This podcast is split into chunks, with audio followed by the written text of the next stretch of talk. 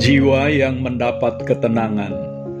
Kita mengingat lagi perkataan Tuhan Yesus di dalam Matius 11 ayat 29. Pikulah kuk yang kupasang dan belajarlah padaku, karena aku lemah lembut dan rendah hati, dan jiwamu akan mendapat ketenangan.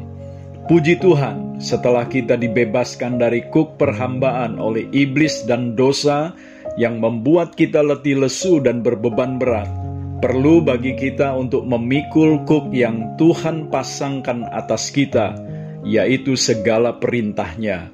Dengan memikul kuknya, kita menjadi budak dari Tuhan kita, yakni Yesus Kristus Tuhan, melalui mentaati segala perintahnya.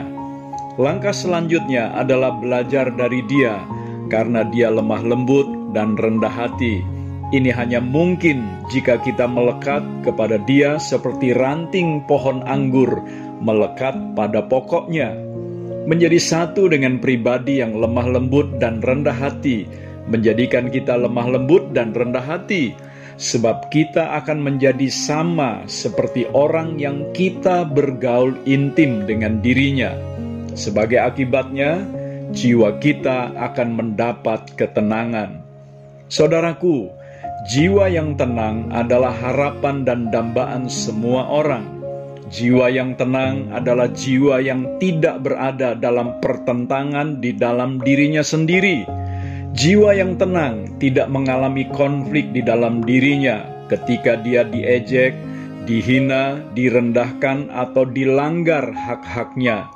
Tidak bergumul di dalam dirinya ketika diperlakukan tidak adil tidak bertanya lagi apakah harus membalas atau tidak ketika orang lain berbuat jahat kepada dirinya.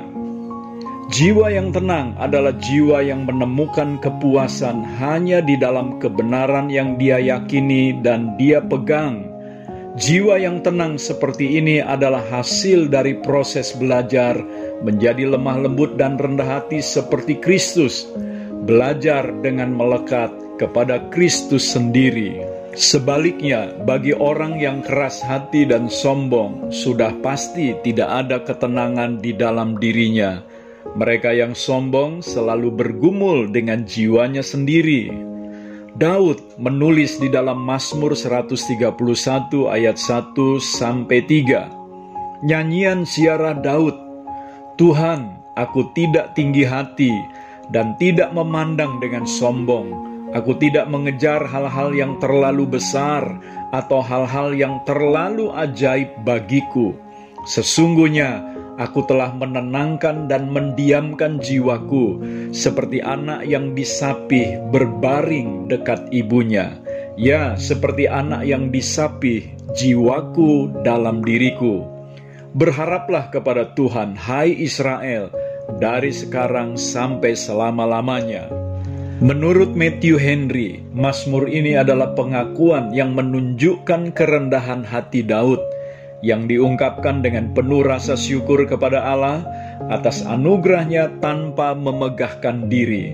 Ada kemungkinan Daud sedang memberikan penjelasan menanggapi fitnah-fitnah dari Raja Saul dan pengawal-pengawalnya yang menggambarkan Daud sebagai orang yang amat haus kekuasaan yang berusaha merebut kerajaan dengan keangkuhan hatinya.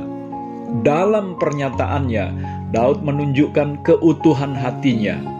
Inilah yang membuat Daud bersuka cita bahwa hatinya dapat bersaksi di dalam dirinya sendiri bagaimana ia sudah berjalan dengan rendah hati bersama Allahnya, kendati celaan-celaan menghujani dia.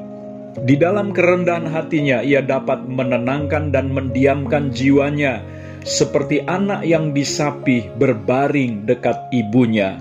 Tidak ada keinginan untuk membalas atau menyimpan sakit hati karena fitnah orang yang memusuhinya, sebab ia telah belajar berjalan bersama Tuhan dan hidup dengan rendah hati. Saudaraku, mereka yang lemah lembut mempunyai kekuatan untuk tidak membalas kejahatan dengan kejahatan. Mereka yang rendah hati memiliki kesanggupan untuk menganggap orang lain lebih utama dari dirinya sendiri. Orang-orang seperti ini akan mendapat ketenangan di dalam jiwanya. Saya Theo Barahama, mari hadirkan sorga di rumah kita untuk memberkati dunia.